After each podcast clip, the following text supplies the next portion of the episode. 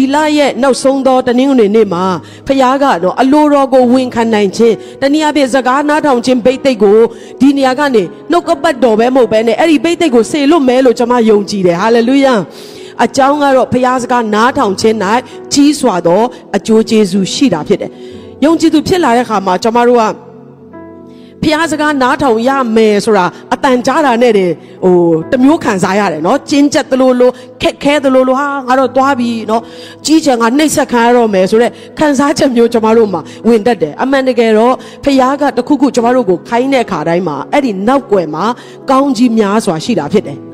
သူ့အတွက်သူဆရာကြီးဖြစ်ဖို့နော်သူကအာယိုတေခံရဖို့သူကအလေးစားခံရဖို့လှုပ်ဆောင်တာမဟုတ်ပဲနဲ့သူ့ရဲ့သားသမီးတွေကောင်းစားဖို့ရအတွက်အမြဲတမ်းကြံစီပြီးတော့ကျမတို့ကိုသွေးဆောင်တော်ဖခင်ကယနေ့ကျမတို့ကိုးကွယ်တော်ဖခင်ဖြစ်ပါတယ်ဟာလေလုယာထို့ဖခင်နာမတာ၍ဘုန်းကြီးပါစေဆိုတော့ခက်တာကတော့ယုံကြည်သူတွေကဖခင်စကားကိုနားထောင်ရတာ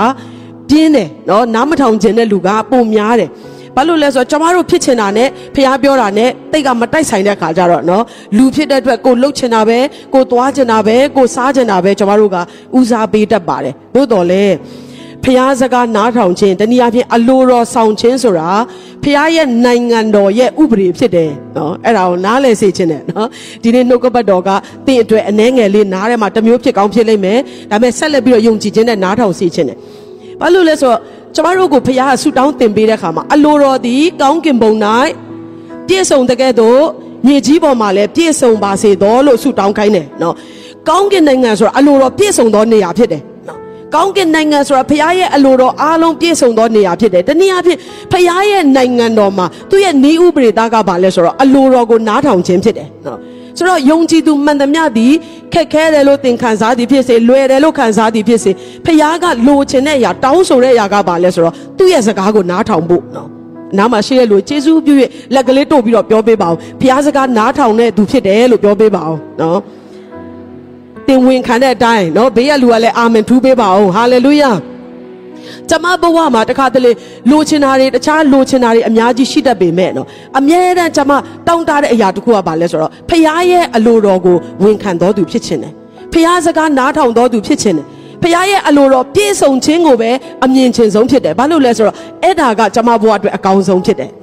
ဒါကြောင့်ကျွန်မငငယ်ကလေးကဘုရားစီမှာဆုတောင်းတယ်ဘုရားခင်လို့တမိကကိုတော့ဖန်ဆင်းထားတဲ့လူဖြစ်တယ်လို့ဒါကြောင့်ဘုရားစကားကိုတည့်ရနဲ့နားမထောင်တော့သူမဖြစ်ချင်ဘူးနားထောင်ချင်တယ်ဒါပေမဲ့တခါတလေတမိကဒါအလိုတော်လားဟိုကအလိုတော်လားနားမလည်နိုင်တဲ့ခါကျတော့တမိကိုရှင်းရှင်းလင်းလင်းကိုတော့ပြနော်လို့တမီးကကိုတော့ဖန်ဆင်းထားတဲ့လူဖြစ်တဲ့အတွက် ဘယ်လိုပြရင်နားလည်နိုင်မလဲဆိုတာကိုတော့အတိဆုံးပဲလို့ဒါကြောင့်တမီးနားလည်နိုင်မဲ့ပုံစံနဲ့ပြပါနော်နမိတ်လက္ခဏာနဲ့ဖြစ်စေတယောက်ယောက်ကြောင့်ကျမ်းစာအဖြစ်နော်တခုခုနဲ့တော့ပြပါအလိုတော်ဖြစ်တယ်ဆိုတာနားလည်ပြီဆိုရင်တော့တမီးကနားထောင်မယ်လို့နော်ကျွန်မဆယ်ကျော်သက်အရွယ်ကလေးကဖះကိုအဲ့လိုပဲဆုတောင်းတယ်ကျေးဇူးတော်ကြောင့်ဖះကလည်းကျွန်မဘဝမှာသူ့ရဲ့အလိုတော်ကိုကျွန်မနားလည်တဲ့အထိသူကပြတယ်နော်တလားနဲ့ကျွန်မနားမလည်လဲတခါတလေတစ်နှစ်လောက်စောင့်တယ် ဒါပေမဲ့အရေးကြီးတာကဖခင်ရဲ့အလိုတော်ဆိုတာကျွန်တော်တို့နားလည်ပြီးတော့အဲ့ဒီအလိုတော်ကိုလိုက်လျှောက်ဖို့ကဘဝမှာအရေးကြီးဆုံးဖြစ်တယ်။ဟာလေလုယာအရေးကြီးဆုံးကအလိုတော်ကိုနားလည်ပြီးလိုက်လျှောက်ဖို့ရအတွက်သာလေဖြစ်တယ်ဆိုတာကိုယနေ့ကျွန်တော်တို့အသက်တပံနှလုံးသွင်းဖို့ရအတွက်အရန်ရေးကြီးပါတယ်။ဘာဖြစ်လို့လဲဆိုတော့လူကလေနားမထောင်ချင်းနဲ့ပြည့်နေတယ်နော်။ကလေးလေးတွေတေးသေးလေးတွေစကားဆပြောတတ်လာတဲ့နဲ့ no ဆိုတဲ့အရွယ်ရောက်လာတယ်နော်။ဘာပြောပြော no နော်။ तू အရန်ကြိုက်တဲ့ဟာတော့မှကြိုက်လားဆို no နော်။စားမလား no အိတ်မလား no ဒါကကျွန်တော်တို့ရဲ့အแทမှာရှိပြီးသားဗီဇကိုပြသခြင်းဖြစ်တယ်စကားနားမထောင်ခြင်းကဘသူကနေစလဲလို့ပြောရင်အာဒံကနေစတယ်နော်မစားနဲ့ဆိုတဲ့အရာကိုမှသွားပြီးတော့စားတယ်နော်ဆိုတော့အဲ့ဒီစကားနားမထောင်တဲ့မျိုးစင်းတဲ့လူဖြစ်လာတဲ့ကျမတို့ကတိတက်လာတာနဲ့အမျှကျမတို့ကပုံကန်ခြင်းစကားနားမထောင်ခြင်းတွေကတိတ်ကြိုးစားစရာမလိုပဲနဲ့ဒီထဲမှာအလိုလိုဖြစ်လာတယ် ဒါကြောင့်ယေရှုခရစ်တော်ဘုရားကကျွန်တော်တို့ရဲ့အပြစ်အတွက်အသေးခံတဲ့အခါမှာတခါတည်းဘုံတိုင်းဆိုပြီးတော့အသေးခံလိုက်ပြီးကျွန်တော်တို့ကိုကောင်းကင်အရောက်ပို့ယုံမဟုတ်ဘူးနော်အဲ့လိုပြောလို့ထာဝရအသက်ကိုကျွန်မစော်ကားပြီးပြောတာမဟုတ်ပဲနဲ့အဲ့ဒီထာဝရအသက်ထဲမှာဘာတွေပါလဲဆိုတော့အရင်နားလည်စေခြင်းနဲ့နော်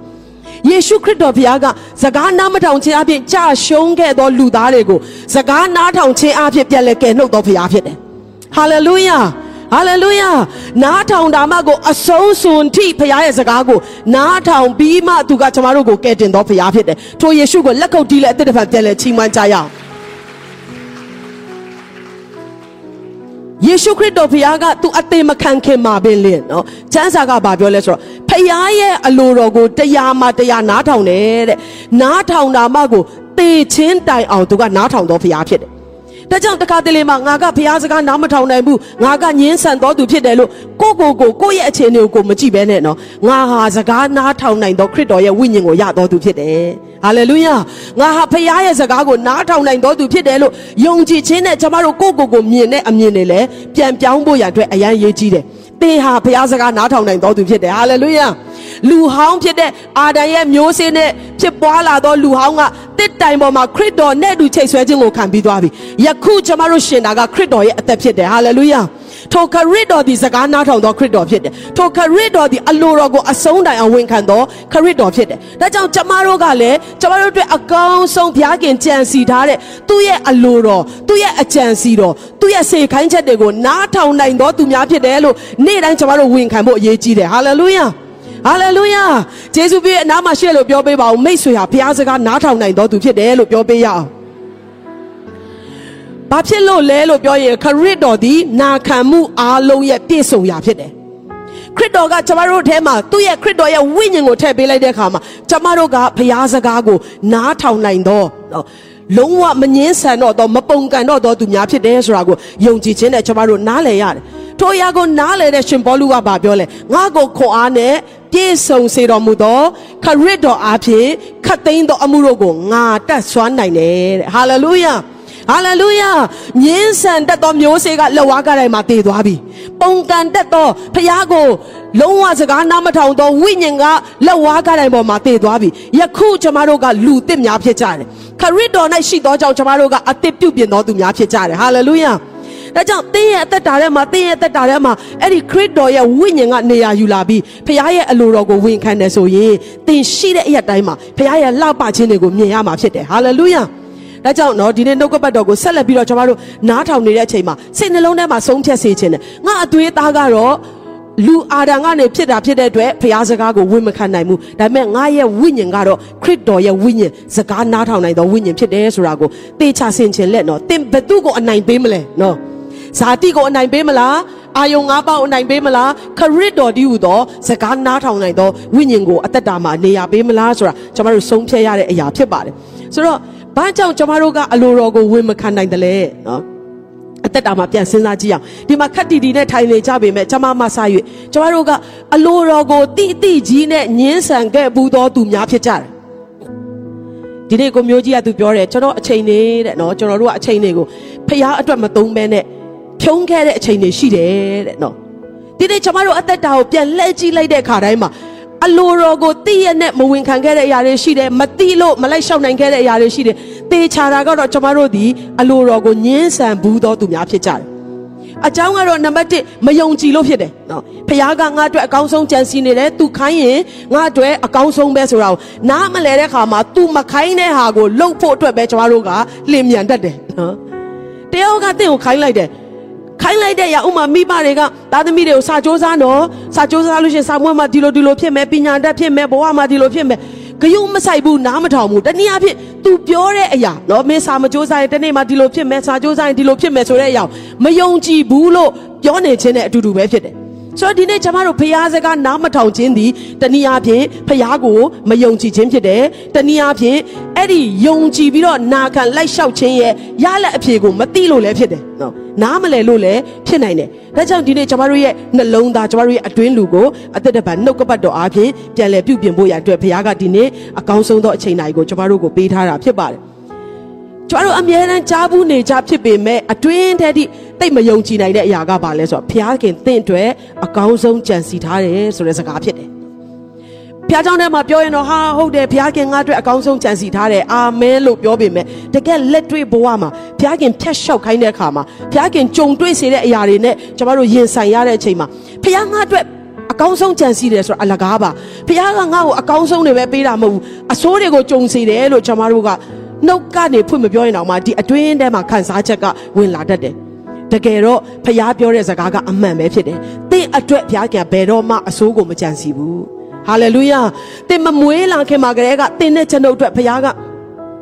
ဒီချေရတော့ငါရဲ့သမီးခွန်နူကျွန်မနာမည်ခွန်နူဖြစ်တယ်နော်။ဆာမရုတ်ခွန်လို့ခေါ်တယ်။ ဟောမနူလူဖြစ်လာတဲ့ခါမှာဘသူနဲ့ဘသူရဲ့မိသားစုတွေကနေပေါက်ဖွားခိုင်းမယ်ဘယ်နှစ်ယောက်မြောက်သမီးဖြစ်ခိုင်းမယ်သူ့ကိုဘယ်လိုယုံမျိုးပေးမယ်သူ့ရဲ့သူ့အတွက်အဆုံးမှာငါရဲ့အကြံစီတော်ကဒါဖြစ်တယ်ဆိုတာဟိုးရှေးမစွာကလေးကဘုရားကစဉ်းစားထားပြီးသားဖြစ်တယ်ဟာလေလုယာဟာလေလုယာဟာလေလုယာသင်ဟာကြုံကြိုက်လို့လူဖြစ်လာတာမဟုတ်ဘဲနဲ့ဘုရားရဲ့အကြံစီတော်ထဲမှာလူဖြစ်လာတာဖြစ်တယ်အာမင်ဟာလေလုယာဟာလေလုယာ တင်းစိတ်ထဲမှာနော်တကယ်လို့အနောက်ရှက်မဖြစ်ဘူးဆိုရင်ဘေးဘေးဘေးဝဲရအောင်ကြည့်ပြီးတော့နော်သင်ဟာတိုက်ဆိုင်လို့လူဖြစ်လာတာမဟုတ်ပါဘူးလို့တယောက်နဲ့တယောက်ပြောပေးပါအောင်အာမင်ဒါပေမဲ့မွေးလာတာနဲ့ချက်ချင်းကြီးဝုန်းကနေနော်ဟိုတခါတဲ့အဆိုတော်ဖြစ်ဖို့ဆိုလဲမွေးလာတဲ့ချက်ချင်းအဆိုတော်မဖြစ်သွားဘူးเนาะအာတခါတဲ့တရားဟောဆရာဖြစ်မယ်ဆိုလဲမွေးလာတဲ့ချက်ချင်းတရားဟောဆရာမဖြစ်သွားဘူး ယောသက်ဆိုရင်လည်းလူတွေအများကြီးအတွက်ကောင်းကြီးဖြစ်ဖို့ဖရားရွေးကောက်ထားတယ်ဟာဇပနန်တွေကသူ့ကိုဦးချတယ်နေလာကျယ်တွေကဦးချတယ်ဒါပေမဲ့ချက်ချင်းမဖြစ်သွားဘူးနော်အဲ့ဒီအိမ်မက်မက်တဲ့အချိန်နဲ့ပြည့်စုံခြင်းဟာ73နှစ်ကြာတယ်သူ့ရဲ့ process ကအဝေးကြီးသူဖြတ်လျှောက်ရတယ်အနှိမ်အမြင့်တွေမှောင်မိုက်တဲ့အရက်တွေခါသီးခြင်းတွေအများကြီးကြော်ဖြတ်ပြီးမှဖရားရဲ့အကြံစီတော်ပြည့်စုံခြင်းတွေကိုသူကရောက်သွားတာဖြစ်တယ် ဒါကြောင့်တခါတည်းမှာကျွန်တော်တို့ကကြော်ဖြတ်နေတဲ့အချိန်မှာဖခင်ရဲ့အကြံစီတော်ကိုလည်းနားမလည်ဘူးမြင်လည်းမမြင်တတ်ဘူးဆိုတော့သူခိုင်းတာကိုလည်းကျွန်တော်တို့ကမလုတ်ချင်ပဲနဲ့နော်သူဆွဲခေါ်တဲ့လမ်းကိုကျွန်တော်တို့ကညင်းဆန်တယ်သူသွေးဆောင်တဲ့အရာတွေကိုကျွန်တော်တို့ကနိုးလို့ပြောမိတဲ့အချိန်တွေမြောက်များစွာရှိတတ်ပါတယ်ဒါပေမဲ့ဖခင်ကကျမတို့ကိုချစ်နေသေးလို့လက်မလျှော့လို့ဒီနေရာမှာကျမတို့အတူတူကရောက်နေတာဖြစ်တယ်ဟာလေလုယာဘုရားနာမတာ၍ဘုန်းကြီးပါစေဘုရားကကျမတို့ကိုပြုပြင်ပုံသွင်းတဲ့အခါမှာ သူ့ရဲ့အကြံစီတစ်ခုကရှိပြီးသားဥမာခုနပြောသလိုရောသက်နော်တစ်ချိန်မှာတစ်ကဘာလုံးအစာခေါင်းပါတဲ့ချိန်မှာသူ့ရဲ့ management အားဖြင့်သူ့ရဲ့ဦးဆောင်မှုအားဖြင့်လူတွေကဟိုအစာငတ်ပြတ်ခြင်းတန်ကိုကြော်လွန်နိုင်ရမယ်နော်တိုင်းနိုင်ငံတွေကလုံးဝဟိုဒီကတ်ဆိုးထဲမှာမဆုံးရှုံးသွားဘဲနဲ့လွန်မြောက်နိုင်ဖို့ရန်အတွက်ဆိုပြီးဖခင်ကသူ့ကိုအကြံစီထားထားပြီးသားဒါပေမဲ့အဲ့ဒီအကြံစီပြည့်စုံဖို့ပြုပြင်တဲ့လမ်းတစ်လျှောက်မှာသူကအပြုပြင်ခံဖို့အလိုတော်ကိုဝန်ခံဖို့ကအရန်ရေးကြီးတယ် တခါတလေကျမတို့ကခံစားချက်နဲ့တုံ့ပြန်တယ်တခါတလေမှာကျမတို့တတ်ထားတဲ့ပညာနဲ့တုံ့ပြန်တယ်တခါတလေမှာကျမတို့ရဲ့အတွေ့အကြုံနဲ့တုံ့ပြန်တဲ့ခါမှာဖခင်ရဲ့အလိုတော်ကိုမဝင်ခံနိုင်ဘဲနဲ့ဖြစ်သွားတတ်တယ်ဒီနေ့သင်ရဲ့အသက်တာမှာဖခင်ရဲ့ဖွင့်ပြချက်အသစ်တွေရဖို့ရန်အတွက်ဖခင်ကောင်းချီးပေးပါစေကျမတို့ပြုပြင်ပုံသွင်းတဲ့ခါမှာလေအာတန်တုံးကြီးတစ်ခုကိုယူပြီးတော့နော်အာတခါတည်းငါလှုပ်ထည့်လိုက်မယ်ဓားဖြစ်ရင်လည်းဓားပေါ့နော်မဟုတ်လို့ရှင်လဲဟိုဘယ်လိုခေါ်မလဲ တန်ချောင်းလေးတစ်ချောင်းဖြစ်လည်းဖြစ်သွားမယ်ပေါ့ဆိုပြီးတော့လှုပ်လိုက်ပြီးတော့လှုပ်ရင်းလှုပ်ရင်းနဲ့ဖြစ်တဲ့ဟာကိုအတီယူလိုက်တာမျိုးမဟုတ်ဘူးเนาะကျွန်မဆိုလိုတာသဘောပေါက်မယ်ထင်ပါတယ်ကျွန်တော်တို့ငငယ်တုန်းကဆိုရင်เนาะဆက်ချုပ်တာရှောက်ရှက်ပြီးဝါသနာပါတယ်တင်တန်းလည်းမတက်ဘူးတော့ဟာစချုပ်လိုက်တာစက်ကတ်เนาะစက်ကတ်ကနေပြီးတော့အစင်မပြေဘူးညက်တာမားသွားတော့ဘောင်းဘီเนาะဘောင်းဘီကနေအစင်မပြေတော့နောက်ဆုံးအော်လက်တုပ်ပွာလာဘာလာဖြစ်သွားတယ်เนาะကျွန်တော်တို့ကကြုံတယ်လို့ပေါ့လှုပ်ရင်းလှုပ်ရင်းနဲ့အစင်မပြေရင်မပြေတယ်လို့ဖြစ်လာတဲ့ဟာကိုယူရတာ ဖះကတော့တင့်ကိုအဲ့လိုလုပ်တာမဟုတ်ဘူးနော်ဖြစ်လာတယ်လို့ပေါ့ကဲငါဒီသမီးလေးကိုနော်မွေးတော့ကတော့ငါဖြစ်စေချင်တာဒီလိုအော်လှုပ်ရင်လှုပ်ရင်နဲ့ तू ကတော့နည်းနည်းတိတ်အဆင်မပြေဘူးဆိုတော့ဒီလိုလေးပဲဖြစ်ခိုင်းလိုက်တော့မယ်မဟုတ်ပဲနဲ့တင့်ကိုရည်ရွယ်ချက်ရှိရှိပြုစုနေတော့သူကတင့်ကိုဖန်ဆင်းတော့ဘုရားဖြစ်တယ်ဟာလေလုယာ။ तू ဖြစ်စေခြင်းနဲ့သူ့ရဲ့အကြံစီတော်ပြည့်စုံခြင်းကလူတိုင်းအတွက်ရှိကိုရှိပြီးသားဖြစ်တယ်။နားလည်နိုင်ဖို့ဘုရားကောင်းကြီးပေးပါစေ။ ။တင်းကိုကြုံတယ်လို့ဘုရားကဖန်ဆင်းပြီးကြုံတယ်လို့ဥဆောင်နေတာကြုံတယ်လို့ပြုပြင်နေတာလုံးဝမဟုတ်ဘူးဆိုတာယနေ့နားလည်စေချင်ပါတယ်။ဟာလေလုယာ။သင်ဟာတန်ဖိုးရှိတော်သူဖြစ်တယ်။သင်ဟာဘုရားရဲ့အကြံစီတော်နဲ့လူဖြစ်လာတော်သူဖြစ်တယ်။အာမင်။ဟာလေလုယာ။ဆိုတော့အဲ့ဒီဟို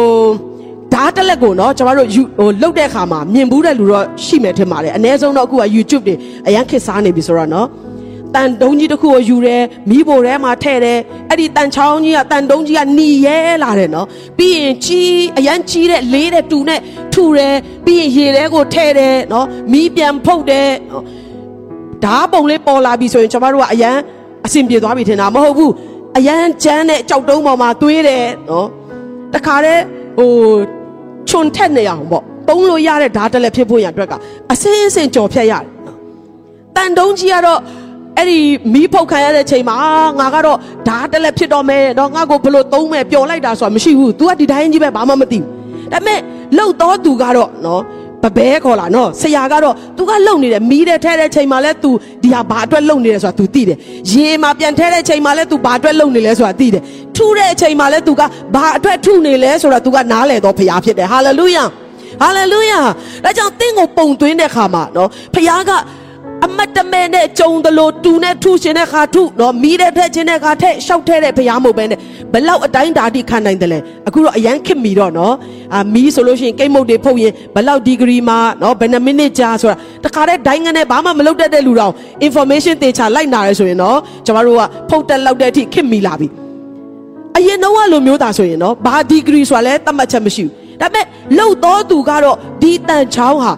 ဓာတ်တလက်ဖြစ်လာဖို့ရအတွက်ဘလောက်အပူချိန်မှာနော်ဘလို့ထဲရမယ်ဘယ်အချိန်မှာထုတ်ရမယ်ဘလောက်ထုရမယ်ဘလောက်သွေးရမယ်ဆိုတာကိုနားလေကျွမ်းကျင်စွာနဲ့လှုပ်ဆောင်တော်သူဖြစ်တယ်ဟာလေလုယာတင့်ကိုကင်တွယ်တော်သူတင့်ကိုပြုစုတော်သူကတင့်ကိုတည်တော်ဖန်ဆင်းတော်ဘုရားဖြစ်တယ်ဆိုတာမမေ့ဖို့ရအတွက်အရန်ရေးကြီးတယ်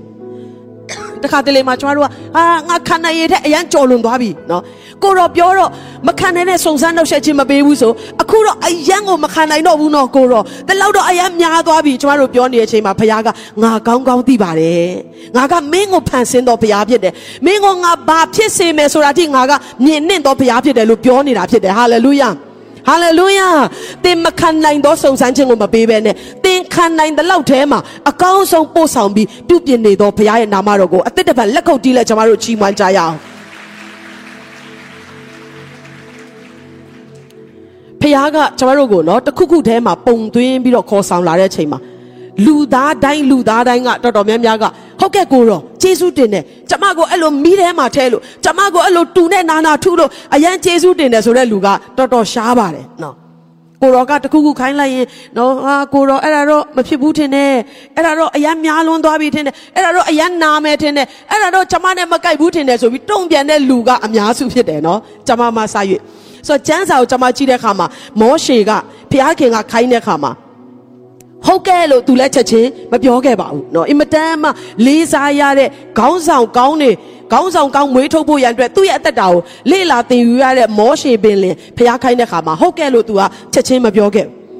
ထာဝရဘုရားကမောရှေအခုသွားတဲ့နော်ဖာရောဘုရင်စီကိုမင်းငုံငါဆေလွတ်တယ်တဲ့ဣသေလအမျိုးသားတွေကိုအေဂုတ်တုပြည်ကနေပြန်လဲခေါ်ဆောင်လာခဲ့ဖို့မင်းငုံငါလွတ်တယ်လို့ပြောတဲ့ခါမှာ မောရှေကဟာဟုတ်ကဲ့ကိုတော်လို့မပြောဘဲနဲ့ကိုတော်ကျွန်တော်ကဘယ်လိုလူမို့လို့အဲ့ဒီဣသေလလူမျိုးတွေဒီလောက်များတဲ့လူတွေဂျုံခံတဲ့နေရာကနေနှစ်ပေါင်းများစွာဂျုံခံတဲ့နေရာကနေဖာရောမင်းရဲ့လက်ထဲကနေကျွန်တော်ကဘာမို့လို့ကယ်နှုတ်နိုင်မှာလဲတဲ့နော်ချက်ချင်းသူ့ရဲ့တုံ့ပြန်တဲ့စကားကအလိုတော်ဝန်ခံဖို့အာမင်ထူးဖို့ဟုတ်ကဲ့လို့ပြောဖို့တဲ့ညင်းဆန်သောစကားအာရော့သောစကားကအရင်ဆုံးထွက်လာတယ်နော်ဒီနေ့ကျွန်တော်တို့နမူနာယူရတဲ့ခေါင်းဆောင်များပင်လေထိုကဲ့သို့ဖြစ်တယ်နော် စိတ်တမကြပါနဲ့သူ့ကိုလည်းခေါ်ဆောင်တော့ဘုရားကတင့်ကိုလည်းခေါ်ဆောင်มาဖြစ်ပါတယ်ဟာလေလုယာ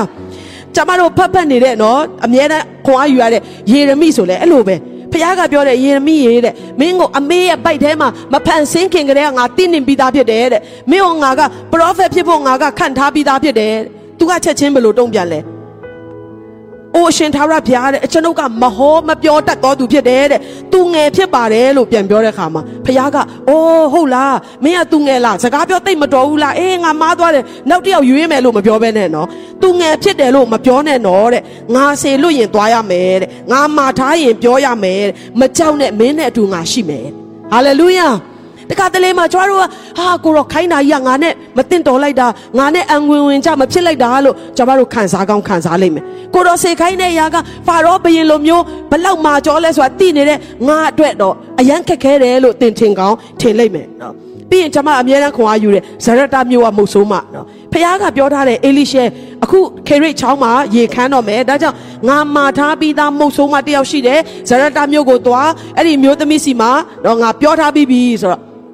အေလိရှဲလည်းသွားတာပေါ့နော်ဘုရားကပြောထားပြီးပြီလို့ပြောတဲ့အတွက်အဲ့ဒီအမျိုးသမီးမှလည်းနော်သူရထားတဲ့ဘုရားရဲ့စကားပြောခြင်းတော့ရှိကိုရှိမှာဖြစ်တယ်ဆိုတော့အစာခေါင်းပါတဲ့ကာလမိုးတောင်မှမရွာတဲ့ကာလရေရှားတဲ့ကာလမှာပရောဖက်ကရောက်လာပြီးတော့အေလိရှဲကအေးငါအတွက်ရေတစ်ခွက်ခတ်ပေးပါဆိုတော့အမျိုးသမီးကရေခတ်ဖို့သွားတယ်မပြီးတော့မပြီးသေးဘူးဖခင်ရဲ့လူကအေးမုတ်ကိုလည်းယူလာခဲလို့ပြောတော့ချက်ချင်းသူကလည်းရက်သွားတယ်နော်ခြေလန်းကတုံသွားတယ် ဟုတ်ကဲလို့မပြောနိုင်တော့ဘူးဖခင်ရဲ့လူတဲ့ကျမရိုးသားစွာပြောတာပါလုံးဝလိန်လေတာတခုမှမရှိပါဘူးကျမမှာမုတ်တွေအများကြီးမရှိဘူးမုံမုံညက်နဲနဲနဲ့စီတဲတဲလေးပဲကြံတယ်အဲ့ဒါလေးကိုစားဖို့ရအတွက်ဖုတ်ဖို့ထင်းလေးနှစ်ချောင်းပဲသားနဲ့ကောက်ပြီးတော့ပြန်လာတာဖြစ်ပါတယ်ဘုရားရဲ့လူကရတယ်အရင်ဆုံးသွားလုပ်ပြီးငါ့ကိုအရင်ပေးပါဘာကြောင့်လဲဖခင်ကပြောထားပြီးသားဖြစ်လို့နော် တခါတလေမှာကျွန်တော်တို့ဖခင်တောင်းဆိုတာကအယက်များလွန်းတယ်ကျမမှာဘလောက်ပဲရှိတယ်ဆိုတော့ကိုတော့မသိဘူးလားလို့ကျွန်တော်တို့ပြန်လဲတုံ့ပြန်မိတတ်တယ်ဒီအမျိုးသမီးကလည်းပြောရင်းနဲ့ဖခင်ရဲ့လူကရတယ်အရင်ဆုံးသွားပါငါအတွက်အရင်သွားလှုပ်လိုက်ပါဖခင်တာဝန်ယူလိုက်မယ်ပြောတဲ့ခါမှာအလိုတော်ကိုဝန်ခံလိုက်တယ်လက်တွေတော့မကြဘူးเนาะဟုတ်ကဲ့လို့ပြောချင်စရာအကြောင်းတော့မရှိဘူးဒါပေမဲ့သွားလှုပ်လိုက်ပြီးတော့ဘုရားရဲ့လူကိုကျွေးလိုက်တဲ့အချိန်မှာ ဘုရားခင်ကသူပြောထားသောစကားကိုတာဝန်ယူလျက်နောက်တစ်ခါမိုးရွာပြီးတော့အစာတွေပေါ်ကျွယ်ဝတဲ့ကာလကိုမရောက်ခင်ထိသူ့ရဲ့မုံညက်တဲ့စီကမခံဘူးလေဟာလေလုယာဟာလေလုယာအကြောင်းတခါတလေမှာအလိုတော်ဝန်ခံဖို့တော့ခက်ကောင်းခက်လိမ့်မယ်ဒါပေမဲ့အဲ့နောက်ွယ်မှာကောင်းကြီးရှိတယ်အာမင်ဟာလေလုယာဖခင်ရဲ့လူတွေမှန်သမျှကနော်ဟုတ်ကဲ့ကိုတော့ယေရှုတင်တဲ့ထုပါထောင်းပါသွေးပါလို့ပြောတဲ့လူတော့တိတ်မရှိပေမဲ့ခက်ခဲရင်တောင်မှ ကိုတော့ပြောတဲ့အတွက်အစိုးတော့ဖြစ်မှာမဟုတ်ဘူးကိုတော့ပြောတဲ့အတွက်ငါပေးတော့ပေးနိုင်မှာပါကိုတော့ပြောတဲ့အတွက်တခုခုတော့ထူးခြားမှာပါလို့ယုံကြည်ခြင်းနဲ့အလိုတော်ကိုဝန်ခံတော်သူတိုင်းရဲ့အသက်တာမှာကြီးမားသောကောင်းကြီးကလိုက်လာတာဖြစ်တယ်ကျွန်မစဉ်းစားမိတယ်နော်မြမပြည်အတွက်မြမဘာသာစကားအဖြစ်ကျမ်းစာကိုဘာသာပြန်ပေးခဲ့တဲ့ဆရာကြီးယူဒတန်ဖျားခင်ခိုင်းတာပဲနော်သူလည်းအတန်ကြားလို့ဒီအလုပ်ကိုလုပ်တာပဲသို့တော်လဲ ပျော်စရာကောင်းလားမကောင်းပါဘူးသူ့အတွက်ဘာကောင်းကျိုးတွေရှိလဲဘာကောင်းကျိုးမှမရှိပါဘူးသားတွေသေတယ်သမီးတွေသေတယ်မိန်းမသေတယ်ဒုက္ခမျိုးစုံခံစားရတယ်နှိပ်စက်ခြင်းတွေခံစားရတယ်ထောင်ကျရတယ်အမျိုးမျိုးသောအသေးပြက်ခြင်းတွေခံစားရတယ်ဒါပေမဲ့သူ့ကိုဖျားပေးလိုက်တဲ့တာဝန်နဲ့ဝတ္တရားဖျားရဲ့အလိုတော်ကိုသူအဆုံးတိုင်အောင်ဖန်ဆုပ်တဲ့အတွက်ယနေ့ကျွန်တော်တို့မြန်မာနိုင်ငံမှာရှိတဲ့သူအားလုံးကကောင်းကြီးခံစားရတာဖြစ်တယ် ဟာလေလုယာဒါကြောင့်ယုံကြည်သူမှန်ရင်ကျွန်တော်တို့အတောင့်တဆုံးဖြစ်ရမယ့်အရာကဘာလဲဆိုတော့အလိုတော်ဒီကောင်းကင်ဘုံ၌ပြည့်စုံတဲ့ကဲ့သို့သမီးရဲ့တက်တာမှာပြည့်စုံစေပါအလိုတော်ဒီကောင်းကင်ဘုံ၌ပြည့်စုံတဲ့ကဲ့သို့သမီးတို့မိသားစုမှာပြည့်စုံစေပါဟာလေလုယာအလိုတော်ပြည့်စုံခြင်းတဲမှာမှတကယ်တင့်အတွက်အကောင်းဆုံးသောအရာကစောင့်နေတာဖြစ်တယ်ကျွန်တော်တို့ရှာနေတဲ့အရာတွေကောင်းမဲ့ထင်တဲ့အရာတွေကအကောင်းဆုံးလုံးဝမဟုတ်ဘူးနော်ဖခင်ရဲ့အကြံစီတော်ကသာလေတင့်အတွက်အကောင်းဆုံးဖြစ်ပါတယ် ပေတျုလည်းအဲ့လိုပဲတညလုံးငါးဖမ်းတယ်မရဘူးယေရှုနဲ့တွေ့တယ်ချက်ချင်းဝုံတိုင်းကောင်းကြီးရလားဆိုမရဘူးနော်သူလေကိုလည်းသုံးသေးတယ်နောက်ဆုံးရင်းနဲ့ရာကိုရွှေ့ပိုက်ကုံကိုချပေတျုဟာဟုတ်ကဲ့ကိုတော့တရားလည်းဟောထားတယ်ဆိုတော့အာမင်အာမင်မပြောဘူးနော်ကိုတော့တညအလုံးကျွန်တော်ငါးများထားတယ်တကောင်မှမရဘူးဒါပေမဲ့ကိုတော်ပြောတယ်ဆိုရင်ကျွန်တော်လုပ်မယ်တဲ့ဟာလေလုယာအလိုတော်ဝန်ခံခြင်းဆိုတာနော်သူ့ရဲ့အတွေ့အကြုံနဲ့ဖျားခိုင်းတာဆန့်ကျင်ပဲဖြစ်သွားတယ် သူ့ရဲ့တသက်လုံးသူလှုပ်ရှားခဲ့တဲ့အန်တိုနေပြီးလုံးဝဘသူမှညင်းလို့မရတဲ့အမှန်တရားသူ့ရဲ့တိချင်းနဲ့ဆန့်ကျင်ဘက်ကဖျားခိုင်းလာတဲ့အခါမှာဟုတ်ကဲ့လို့ပြောနိုင်လာတဲ့အတွက်လေနဲ့စင်းနစ်လူမတက်တော့ကောင်းကြီးတွေကိုရတယ်အဲ့ဒီအပြင်ထိုပြန်လာပြီးလေနဲ့စနစ်လူမတက်နဲ့ငားတွေနဲ့ပြန်လာတဲ့ချိန်မှာဖခင်ကပါပြောလဲအခုကစပြီးမင်းကိုလူကိုများသောတငါဖြစ်စေမယ်ဟာလေလုယာအလိုတော်တစ်ခါဝင်ခံလိုက်တာနဲ့ကျွန်တော်တို့ဟာနောက်တစ်ဆင့်ကိုတက်သွားတာဖြစ်တယ် အာမင်ဟာလေလုယာဟာလေလုယာတခါတလေမှာကျွန်တော်တို့ကဘဝမှာလေနမိတ်လက္ခဏာတွေအယမ်းမြင်ချင်တယ်နော်အာတခါတည်းဆူတောင်းလိုက်တယ်ကင်ဆာယောဂပျောက်တယ်ဆူတောင်းလိုက်တယ်ဟာခေါင်းကိုက်တာတွေမျက်စိကန်းတာတွေပြန်မြင်တယ်သိကောင်းပါတယ်ဒါပေမဲ့အလိုတော်ကိုဆောင်တော့အသက်တာဖြစ်ဖို့ကအရေးကြီးဆုံးဖြစ်တယ်ယုံကြည်သူများအားလုံးနားလည်နိုင်ဖို့ဘုရားခင်ကောင်းချီးပေးပါစေဒါကြောင့် ကျမတို့ရဲ့စန္ဒနဲ့ဘုရားခိုင်းတဲ့အရာနဲ့ကျမတို့ရဲ့အတွေ့အကြုံနဲ့ဘုရားသခင်ရဲ့ instruction နဲ့ပြောင်းပြန်ဖြစ်လာတဲ့အချိန်မျိုးမှာကျမတို့ကဒါတော့မဖြစ်နိုင်ဘူးငါအတွေ့အကြုံကတော့မိုးလင်းပြီးတော့တညလုံးဖမ်းတာတော့မရတာမိုးလင်းတဲ့အချိန်မှာငါးတွေကအဲ့လိုမျိုးကြီးထွက်မလာတော့ဘူးပိုဆိုးတာကရင်နဲ့တဲ့အရက်ဆိုတော့တော်ပြီးမသွားတော့ဘူးဆိုရင်ပေတရုတ်ဒီလူကိုများတော့တငါဖြစ်မလာတော့အ ကယ်၍ဒါယေအမိကအာငါကစကားမပြောတတ်ဘူးငါကသူငယ်ကဲ့သို့ပဲဖြစ်တယ်အာကိုတော့ခိုင်းတာတွေက prophet ပြုတယ်ဆိုတဲ့အလုပ်တွေကအကြီးကြီးတွေငါနဲ့မတန်ဘူးတော်ပြီကိုတော့လို့ပြောလိုက်တယ်ဆိုရင်ယနေ့ကျမတို့ဖတ်ပြီးတော့ခွန်အားယူနေတဲ့ယေရမိရဲ့အသက်တာဆိုတာဖြစ်လာမှာမဟုတ်ဘူးဒီနေ့သင်တဲ့ကျွန်ုပ်ရဲ့အသက်တာမှာရောနားထောင်တဲ့အချိန်မှာတော့ခွန်အားရစရာကဲ့သို့ဖြစ်ပေမဲ့လက်တွေ့အသက်တာမှာတကယ်တမ်းဖရားအလိုတော် ဖះခိုင်းစေချက်ဖះရဲ့တုန်တင်ချက်တစ်ခုခုရောက်လာတဲ့ခါမှာဟုတ်ကဲ့ပါကိုရောလို့ပြောနိုင်တဲ့အသက်တာဖြစ်ပြီလားယနေ့စင်ချင်လျက်ခွန်အားယူနိုင်ဖို့အရောက်တိုင်းကိုဖះကောင်းကြီးပေးပါစေတခါတရံမှာထိုကဲ့သို့ကျမတို့နားမလည်နိုင်တဲ့အရာတွေနဲ့ကြုံတွေ့တဲ့ခါမှာဘာကိုတိထားတဲ့လဲလို့ကျမယုံကြည်လဲဆိုတော့နော်ဖះကလူကတော့မြင်တဲ့အရာနဲ့ဆက်ဆံတယ်ဖះကတော့အဲ့အဲ့ဒီနောက်ွယ်မှာရှိတဲ့သူကဘာဖြစ်စေမလဲဆိုတဲ့အရာပေါ်မှာဆက်ဆံတာဖြစ်တယ် တခါပြန်ပြီးတော့ပြောချင်တယ်နော်ကျမကဥပမာအာကိုမျိုးကြီးကိုကျွန်မကြည့်တဲ့ခါမှာ तू ကအဆိုတော်ဖြစ်တယ် तू ကဘုရားကိုချစ်တဲ့လူတစ်ယောက်ဖြစ်တယ် तू အတန်ကောင်းတယ်နော် तू မိသားစုကိုတိတ်ချစ်တဲ့သူတစ်ယောက်ဖြစ်တယ်ခင်မုန်းကောင်းတစ်ယောက်ဖြစ်တယ်ဖခင်တစ်ဖြစ်တယ်သူ့ရဲ့ဖြစ်ချင်းလက်ရှိဖြစ်ချင်းပေါ်မှာကျွန်မကသူ့ကိုဆက်ဆံဘုရားကကြတော့သူ့ကိုကြည့်လိုက်တာနဲ့နောင်10နှစ်မှာနောင်နှစ်20မှာကိုမျိုးကြီးကို तू ဘာဖြစ်စေမလဲဆိုတဲ့အရာနဲ့ तू ကဆက်ဆံတာဖြစ်တယ် ဟာလေလုယာဒါကြောင့်တခါတည်းမှာကျွန်တော်တို့ရဲ့အသွေးသားကဖခင်ရဲ့ခေါ်ဆောင်မှုကိုနားမလည်ဘဲနဲ့ညှင်းဆန်တတ်တာဖြစ်တယ်ဒီနေ့လူတချို့ရဲ့အသက်တာနဲ့ကျွန်မကအာဥပမာပေးခြင်းတယ်ဘာလို့ဆိုတော့ကျွန်မတို့ထင်ထားတာကကိုကနော်ဘသူဖြစ်တဲ့အတွက်ဖခင်ကအဲ့လိုဆက်ဆံရမယ်လို့ကျွန်မတို့ကသတ်မှတ်တယ်မဟုတ်ဘူးဖခင်ကဘယ်သူဖြစ်စေမလဲဆိုတာပေါ်မှာကြည့်ပြီးတော့အမြဲတမ်းဆက်ဆံတယ်ဥပမာရှီမုန်ဆိုတဲ့ပုဂ္ဂိုလ်နော်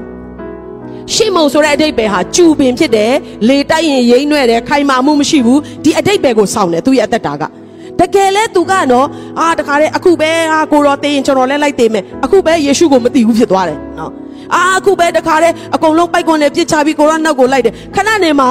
အာယေရှုလည်းအသေးခံပြီးရောဗဒရက်မှတော့မကြောက်ဘူးတခါတည်းပိုက်ကွန်ကိုပြန်ကင်ပြီးတော့နော်ပြန်ဆွဲပြီးတော့ငါးဖမ်းတယ်ကျူပင်ကဲ့သို့သောရိမ့်နှဲ့သောမခိုင်ခန့်သောအသက်တာဖြစ်တယ် ကျမသာဆိုရင်ပေတူနော်ငါတပည့်တော်တွေထဲမှာမင်းเจ้าငါကောင်းကောင်းသိဆုံးမင်းဒီမှာပဲနေခဲ့လိုက်ရင်ကောင်းမယ်ထင်တယ်လို့ပြောမှာနော်ဒါပေမဲ့ယေရှုကပေတူနော်မင်းငါ့ကိုညင်းပယ်လိုက်မယ်ကြုံမသိဘူးလားသိတယ်ဒါပေမဲ့ပိုက်ကုံကိုပြန်ကင်ပြီးတော့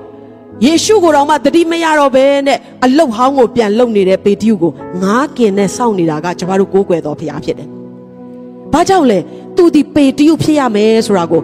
ယေရှုကကောင်းကောင်းနားလည်တယ်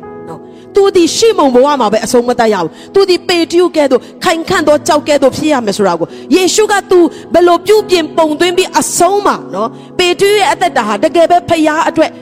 လုံးဝကြောက်ကဲ့သို့ခိုင်ခန့်စွာယက်တည်ပြီးတော့အေးဝင်ဂလိတရားအတွက်အသက်ရှင်ခဲ့တော်သူဖြစ်တယ်ဟာလေလုယာ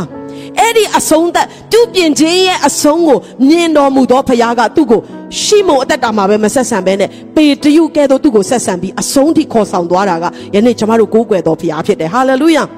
ဟာလေလုယာနောက်တစ်ယောက်ရှောလူနော်အသင်းတော်တွေကိုညှင်းဆဲတယ်ယုံကြည်သူတွေကိုညှင်းဆဲတယ်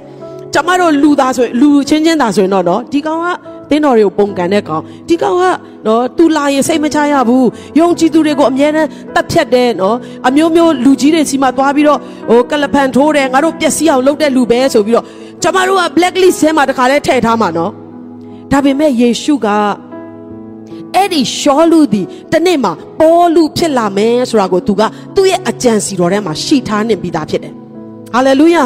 အဲကြောင့်ရှောလူကမသိဘူးဟာအသင်းတော်တွေကိုတတ်မယ်ဆိုပြီးတော့သူကအကြီးကျယ်ပြင်ဆင်ပြီးခြီတက်လာတဲ့လမ်းမှာယေရှုကသူ့ကိုစကားပြောတယ်ဟာလေလုယာတခါတလေမှာကျမတို့ကဖះစကားပြောတယ်ဖះကတခုခုလမ်းညွန်တယ်ဆိုရင်ကျမတို့ကိုကြက်တဲဖို့အတွက်လုပ်တယ်ထင်တာတကယ်တော့ဖះကတင့်ကိုလက်မလျှော့ခြင်းဖြစ်တယ်ဟာလေလုယာ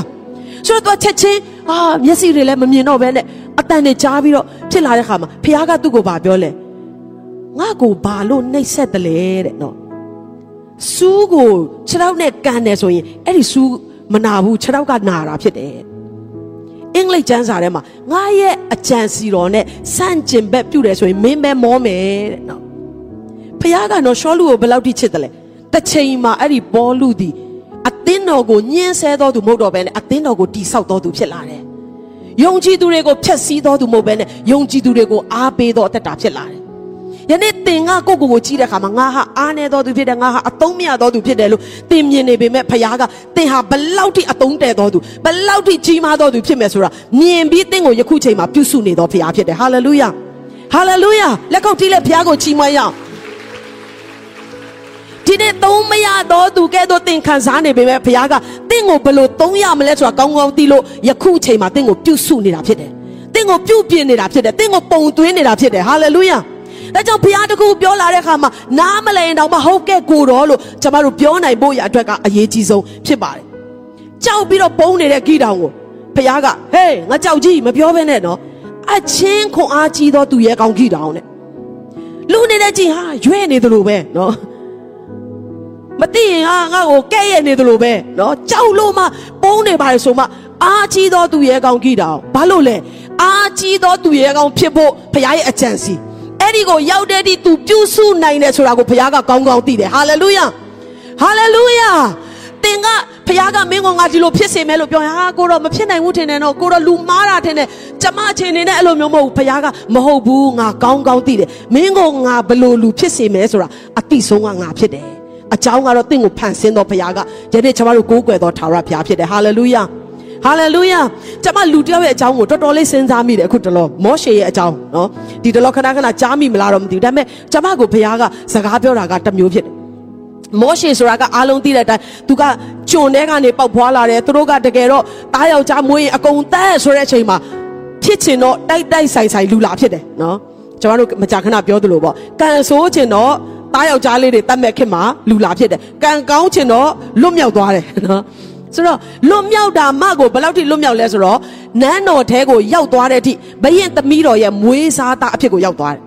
ဆိုတော့အာအရန်ကောင်းတဲ့ဘုရားရဲ့လှုပ်ဆောင်ချက်ပဲအခုနန်းတော်ထဲမှာရောက်ပြီဆိုတော့လူမျိုးတော်တွေကိုကယ်နှုတ်ဖို့ရအတွက်ဒါကလုံးဝဘုရားပေးတဲ့အခွင့်အရေးပဲလို့ထင်စရာရှိတယ်နော်သူလည်းထင်ပါပဲအာသူလူမျိုးတွေကိုအရန်ကယ်နှုတ်ချင်တာအာတခါတည်းနန်းတော်ထဲမှာရှိတဲ့လူတွေတက်အပ်တဲ့ပညာအကုန်သိနော် ဆိုတော့သူကလုံးဝနန်းတော်တစ်ခုလုံးကိုဘယေရဲ့သမီးတော်ရဲ့သားဆိုတော့နော်မွေးစားသားဆိုတော့မြေးဆိုတော့အာအေးစစ်စစ်ပဲဆိုတော့သူ့ရဲ့ကြောထောက်နောက်ခံသူ့ရဲ့တပ်မြောက်ခြင်းသူ့ရဲ့အခြေအနေတွေအားလုံးကတကယ်တော့အဲ့ဒီအခြေအနေကမှကြုံခံနေတဲ့ဣသေလလူမျိုးတွေကိုကယ်နှုတ်ဖို့အကောင်းဆုံးအခြေအနေလို့ထင်လို့ရပေမဲ့အဲ့ဒီအခြေအနေတွေကနေဖခင်ကဒုံးဆိုဆွဲထုတ်ပလိုက်တယ်ဟိုးတော်ထဲမှာနှစ်40 အချိန်လုံးရောက်ခမားရဲ့သိုးနွားတွေကိုကြောင်းတော်ထဲမှာသွားတစ်ပင်တွေပဲတွေ့တယ်မြက်ပင်တွေပဲတွေ့တယ်သိုးတွေနွားတွေပဲတွေ့တယ်အချိန်လုံးသူကနန်းတော်ဆိုတာလည်းမရှိတော့ဘူးဘရင်သမီးတော်ဆိုတာလည်းဘယ်မှာနေမှမသိတော့ဘူးမွေးစားမိခင်လည်းမရှိတော့ဘူးဒီတိုင်းပဲသူစိတ်သက်ကြပြီးတော့နော်တကယ်တော့လုံးဝသူ့အတွက်ကတော့ဣသေလလူမျိုးတွေကိုကယ်နှုတ်ဖို့မပြောနဲ့သိုးချောင်းရင်းနဲ့ပဲဘဝကိုအဆုံးသတ်သွားရတော့မဲဆိုတဲ့အခြေအနေဖြစ်တယ် လူအနေနဲ့ကြည့်မယ်ဆိုရင်အဲ့ဒီကြုံခံနေတဲ့လူတွေကိုကယ်နှုတ်ဖို့ဆိုတာနန်းတော်ထဲမှာကြီးမနန်းတော်ထဲကနေအာတက်အပ်တဲ့ပညာတွေနဲ့ဘယင်သမီးတော်ရဲ့ဟိုအရှိန်ဝါနဲ့အစသဖြင့်နော်ဒါပေမဲ့အဲ့ဒါတွေအားလုံးကိုဖခင်ကခွာချလိုက်ပြီးတော့တောထဲမှာအနှစ်40ပို့ပလိုက်တယ်အဲ့ဒီအချိန်ကြာမှဖခင်ကသူ့ကိုပြန်ပြီးတော့အသုံးပြုတယ်ကျွန်မပြန်စဉ်းစားကြည့်ရခါမှာဘာကြောင့်လဲလို့ပြောရင်ဖခင်ကအပြင်ပန်းအဲ့ဒီနန်းတော်တွေအာတိုင်းအတက်တွေလှန်အတက်တွေမြင်းစီအတက်တွေထက် မောရှေရဲ့နှလုံးသားမှန်ကန်မှဖခင်ကသူသုံးခြင်းနဲ့သူ့ရဲ့အကြံစီတော်ပြည့်စုံခြင်းနဲ့ကိုခေါ်သွားလို့ရမှာဖြစ်တယ်နော်သူအရန်စိတ်တက်ကြွပြီးတော့အာနန်းတော်ရဲ့အရှိန်မွေးစားအမေရဲ့အရှိန်နဲ့ဘာလို့ဖြစ်လိုက်လဲဆိုတော့လူကိုတတ်ပလိုက်တယ်နော်လူကိုတောင်မှအမတ်မတင်တတ်မိလောက်တဲ့အထိသူ့ရဲ့စိတ်အားထက်သန်မှုသူ့ရဲ့စိတ်နေစိတ်ထားပေါ့နော်အဲ့ဒီနှလုံးသားနဲ့သာဣသေလလူမျိုးတွေကိုကယ်နှုတ်မယ်ဆိုရင်တယောက်ပြီးတယောက်သူတတ်ရင်တတ်မိလိမ့်မယ်နော် တော်တော်ကိုအစင်ပြေမှာမဟုတ်ဘူးသူ့နောက်မှာလိုက်တဲ့လူတွေအတွက်နည်းနည်းချီလို့မရရင်သူချထက်လိုက်မယ်နော်ငါငါ့ကိုဘာထင်လဲနော်မင်းတို့ကောင်းနေဆိုပြီးတော့တွေ့မှာပဲနော်ဆိုတော့ဖခင်ကနှစ်40လုံးလုံးပြုတ်ပြင်လိုက်တာကဒီနှလုံးသားဖြစ်တယ်ဖခင်ကတင်းရဲ့အတွင်းလူကိုအမြဲတမ်းစိတ်ဝင်စားတော်ဖခင်ဖြစ်တယ်ဟာလေလုယာ ဟာလေလုယာတခါတလေမှာကျွားတို့ကနန်းတော်ဒီဟုသောနော်အဆောင်ရောင်နေတခါတလေမှာကျွားတို့ရဲ့မွေးစားမိခင်အာဘရင်သမီးတော်ဆိုတဲ့ကျွားတို့ရဲ့ကြောထောက်နောက်ခံတွေဖျားခွာချလိုက်တဲ့ခါမှာဒါဆိုရင်တော့ဣသေလလူမျိုးတွေငါလူမျိုးတွေအတွက်ငါဘယ်တော့မှကောင်းကြီးဖြစ်တော့မှာမဟုတ်ဘူးငါကတော့ဘယ်တော့မှသူတို့ကိုကယ်နှုတ်နိုင်တော့မှာမဟုတ်ဘူးလို့လက်လျှော့ကောင်းလက်လျှော့လိမ့်မယ်ဖျားကအပြင်ပန်းကိုစိတ်ဝင်စားဘူးဣသေလလူမျိုးတွေကိုကယ်နှုတ်နိုင်လောက်တဲ့နှလုံးသားရတဲ့အထိမောရှေကိုပြုစုခဲ့တယ် အဆုံးမှာမောရှေဘလောက်ထိအဲ့ဒီဖခင်ရဲ့အကြံစီတော်ထဲမှာအံခွင်ဝင်ကြဖြစ်သွားလဲဆိုတော့အာဣသေလလူမျိုးတွေတစ်ချိန်လုံး complain လမ်းမှာနော်မောရှေနဲ့ကြောက်မလို့ငါတို့တော်ထဲမှာတေးရတော့မယ်တင်းချိုင်းတော့မှရမှာမဟုတ်ဘူးနော်တေးတာတော့မှတင်းချိုင်းကလိုချင်သေးရဲ့နော်ကျမတကယ်ချင်းတယောက်ပြောလို့တော့တင်းတော့ရင်နစ်ပြီးမတေးချင်ဘူးတဲ့ဘာလို့လဲအသက်ရှူချက်လို့တဲ့နော်ဆိုတော့အာ complain တခွားသည်မစားရလို့ဖျဲသည်မစားရလို့တင်းချိုင်းမရလို့အာမျိုးမျိုး complain မောရှေအရင်စိတ်နဲ့ဆိုတွေ့ထဲလိုက်မှာနော်နော် တက်ပြီးတော့တခါတည်းတဲထဲမှာဖုံးနော်သူ့ရဲ့ဒါတကယ်ဖြစ်ခဲ့တဲ့ဟာလေဒါပေမဲ့အချိန်မှာဖခင်ကမောရှေနဲ့လူတွေကတစ်ချိန်လုံး complain တက်လွန်းတယ်နင်တို့ကနေတော့သွားတော့ကောင်းကင်နမန်နေနဲ့ငါလွတ်လိုက်တော့မယ်ငါမလိုက်ဘူးဖခင်တီးခံပါအောင်စိတ်ရှည်ပါအောင်နော်သူ့လူတွေအတွက်သူကဖခင်နဲ့အဲ့ဒီတစ်ချိန်လုံး complain တက်တဲ့အဖွဲ့တွေကြားထဲမှာမတ်တရက်နိုင်လောက်တဲ့သူ့ရဲ့နှလုံးသားကနော်ဥဆောင်သူနှလုံးသား တန်ပေါင်းများစွာသောဣသေလလူမျိုးတွေကိုခေါင်းဆောင်နိုင်တဲ့နှလုံးသားကြီးရသွားတဲ့အခါမှာတော့ဖခင်ကသူ့ကိုထိုအရာအတွက်နော်လက်တွေ့လှုပ်ဆောင်ရသောအခွင့်ကိုပေးတယ်ဟာလေလုယာဟာလေလုယာတခါတလေဖခင်ရဲ့ခွာချခြင်းတွေဖခင်ရဲ့ထုထောင်းခြင်းတွေကကျွန်တော်တို့ရဲ့အတွင်းလူဘုရားရဲ့အကြံစီတော်နဲ့တစ်ထပ်တည်းဖြစ်နိုင်ဖို့ရာအတွက်ဘုရားကလှုပ်ဆောင်နေခြင်းဖြစ်တယ်ပုံသွင်းတယ်ဆိုတာကနော်တခါတလေတော့မလွယ်ဘူး ဒီတကားမှာတခုခုဝင်အောင်ထဲ့မယ်ဆိုလို့ရှိရင်ကျမတို့ကကွက်တိဖြစ်အောင်နော်ဒီတကားချေးခွေပေါင်နဲ့တကားနဲ့ကွက်တိဖြစ်အောင်ဆိုရင်စားပြရတယ်နော်တချို့တွေလီးထုတ်ရတယ်တချို့တွေကိုပုတ်တိုက်ပြစ်လိုက်ရတယ် ဒီနေ့ကျမတို့အသက်တာမှာဘုရားကသူ့ရဲ့အကြံစီကိုတော့ဟိုပြောင်းဒီပြောင်းလျှောက်ပြောင်းမှာမဟုတ်တဲ့အတွက်နော်အဲ့ဒီအကြံစီတော်နဲ့ကျမတို့အံခွင်ဝင်ကြမဖြစ်မချင်းကျမတို့ကိုပြုပြင်တယ်ပုံသွင်းတယ်သူ့ရဲ့အလိုတော်ကိုပြောပြတယ်ကျမတို့ကိုဆွဲခေါ်တယ်တခါတလေကျမတို့ကိုထုထောင်းလိုက်မယ်တခါတလေကျမတို့ကိုပုတ်တိုက်ပြီးတော့တော့စားသွားတဲ့အရာတွေရှိလိုက်မယ်ဒါပေမဲ့အဲ့ဒါတွေအားလုံးကသူ့ရဲ့အကြံစီတော်ထဲမှာကျမတို့တစ်ထပ်တည်းဖြစ်သွားဖို့အတွက်ဖြစ်တယ်ထို့ဘုရားနာမတာပြီးဘုန်းကြီးပါစေဟာလေလုယာဟာလေလုယာ လူမျက်စိနဲ့ကြည့်ရင်အယံအာဣသေလလူမျိုးတို့ကဲနှုတ်ဖို့တော့ဒီတယောက်ပဲနန်းတော်ထဲမှာဟာနမိတ်လက္ခဏာနဲ့အလုံးဝအစင်သင်းဆိုတဲ့အချိန်မှာဘုရားကအဲ့ဒါတွေအားလုံးကိုခွာချိုက်မဟုတ်ဘူးငါလူတွေကိုကယ်နှုတ်ဖို့လိုအပ်တာကမင်းရဲ့ကျယ်ဝန်းတဲ့နှလုံးသားမင်းရဲ့စကားနားထောင်ခြင်းမင်းရဲ့နှိမ်ချတဲ့အရာဖြစ်တယ်။နောက်ဆုံးမှ तू ကဘာပြောလဲကိုတော့ကျွန်တော်လူတွေကိုကိုတော့တတ်ပစ်လိုက်မယ်ဆိုရင်တော့ကျွန်တော်ကိုအရင်တတ်ကျွန်တော်ရဲ့နာမည်ကိုကောင်းကင်စင်းထဲကနေဖျက်ပစ်လိုက်တော့တဲ့နော်။အဲ့ဒီလောက်ထိ နှစ်40တောထဲမှာဘုရားကသူ့ရဲ့အတွင်းလူကိုပြုပြင်ပြီးသွားတဲ့အခါမှာမောရှေအတွက်လောကမှာလှုပ်ရမယ့်ဘုရားရဲ့အကြံစီတော်ကအမှန်တကယ်ရောက်လာတာဖြစ်တယ်။ဒီနေ့တင်တဲ့ကျွန်ုပ်အချိန်ကာလတစ်ခုကိုဖြတ်တန်းရတယ်။တခါတလေကြက်တဲတယ်လို့ခံစားရတယ်။တခါတလေကိုတော့အယမ်းဒီလိုပူတဲ့အထဲမှာကျွန်တော်ကိုဘာကြောင့်ထည့်တယ်လဲနော်။တလောက်သူများဆိုကိုတော့အဲ့လောက်မထုဘူးနော်။ကျွန်တော်ဆိုပိုထုတယ်လို့ပဲအယမ်းနာတယ်ကိုတော့နော်။ကျမတို့ပြောရတဲ့အချိန်တွေအများကြီးရှိတယ်ဒါပေမဲ့ဘုရားကအဆုံးမှာ မင်းကိုငါဖြစ်စေခြင်းတဲ့ပုံစံတိုင်းပေါ်လာဖို့အကောင်းဆုံးငါလှုပ်ဆောင်နေတာဖြစ်တယ်လို့ယနေ့နှုတ်ကပတ်တော်အားဖြင့်သင်တဲ့ကျွန်ုပ်ကိုပြောနေတာဖြစ်တယ်ဟာလေလုယာဟာလေလုယာအဲကြောင့်ကျမ်းစာကပြုပြင်ခံတော်သူနော်အိုးမြေကတဲ့အိုးထင်းရဲ့လက်ထဲမှာဘာကြောင့်ငါ့ကိုဒီလိုပုံကြီးလုပ်ရတယ်လဲဘာကြောင့်ငါ့ကိုဒီလိုဖြစ်စေတယ်လဲလို့ပြောခွင့်မရှိပါဘူးတဲ့အိုးထင်းကအကောင်းဆုံးကိုတည်တော်ဖရားဖြစ်တယ် သင်ကိုပုံသွင်းနေတယ်သင်ကို तू shape လုပ်နေတယ်သင်ကို तू ကပြုစုနေတယ်ဘာအတွက်လဲလို့ပြောရင်သူ့ရဲ့ဘုန်းတော်ကိုထင်ရှားစေတော့သူ့ရဲ့အကြံစီတော်ပြည့်စုံခြင်းအသက်တာထဲမှာရောက်နိုင်ဖို့ရန်အတွက်သူကခေါ်ဆောင်ခြင်းဖြစ်တယ်ဒါကြောင့်ဖခင်ရဲ့အလိုတော်ကိုဆောင်လိုက်တဲ့အခါမှာလေကြီးမားသောကောင်းကြီးရှိတယ် ကောင်းကြီးလိုချင်လို့ကြီးပဲစကားနားထောင်ဖို့တော့မဟုတ်ပေမဲ့နော်လောကမှာတော့မှအဖေမေတွေကဒီနေ့နော်ဟိုဖုန်းတအားကြီးမကြည့်ဘူးဆိုရင် game မဆော့ဘူးဆိုရင်ဘာပေးမယ်အပြည့်နဲ့ပြန်လာရင် ice cream ပေးမယ်နော်စသဖြင့်ကျွန်တော်တို့ပြောတယ်ဆိုရင်ဖခင်ကသူ့စကားကိုနားထောင်တော့သူ့ရဲ့အလိုတော်ကိုဝန်ခံတော့သူရဲ့အသက်တာမှာ ice cream လောက်မဟုတ်ဘူးနော်တကယ်ပဲအင်မတန်ကြီးမားတဲ့ကောင်းကြီးမင်္ဂလာတွေများစွာထည့်ထားတယ်ဥပမာနော်အေးနော် တင်ဘောဆောက်ခိုင်းတယ်နှစ်ပေါင်း100 120ခန့်တင်ဘောဆောက်ရတယ်လူတွေပျော်တဲ့ချိန်မှာသူတို့ပျော်ခွင့်မရှိဘူးလူတွေပွဲခံတဲ့ချိန်မှာသူတို့တစ်ချိန်လုံးတစ်ခုတ်ရတယ်တင်ဘောဆောက်ရတယ်ဒါပေမဲ့ဖျားစကားနားထောင်တော့နော်အေးကအချိန်တန်တဲ့ခါမှာဖျားကအဲ့ဒီတင်ဘောကိုစီးပြီးလွတ်မြောက်သွားတာမဟုတ်ဘဲနဲ့သူနဲ့သူ့မိသားစုကအဲ့ဒီတင်ဘောကိုစီးပြီးလွတ်မြောက်သွားတာဖြစ်တယ်ဟာလေလုယာကျေးဇူးပြုအနားမှာရှိရလို့ပြောပေးပါဦးဖျားစကားနားထောင်ခြင်းကတင့်အတွက်ကောင်းကြီးဖြစ်တယ်လို့ပြောရအောင် တခါတလေမှလေကျမတို့ကကိုတော့ကိုတော့စကားနားထောင်ပေးလိုက်တယ်နော်အဲ့လိုပြောတာမဟုတ်ဘူးနော်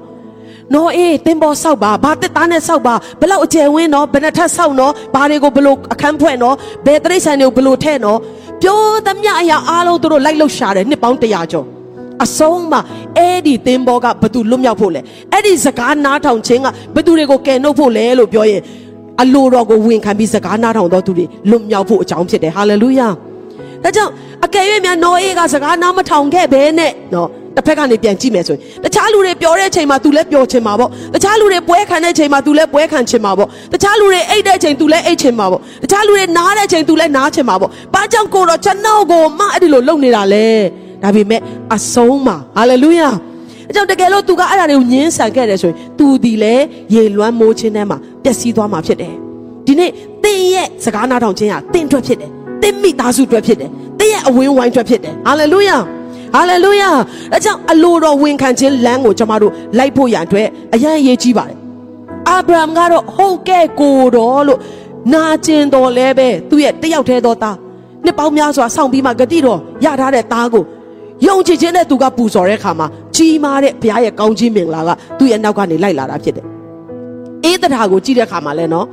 အာရှင်ဘရင်ကြီးစီကိုသွားတယ်သူဦးလေးကပြောတယ်ဟာမခေါ်ဘဲနဲ့ရှောက်ဝင်လို့မရဘူးလေဦးလေးကလည်းတည့်ရသားနဲ့ကျမကိုတတ်မှာပေါ့စိတ်တော်နဲ့မတွေ့ဘူးဆိုရင်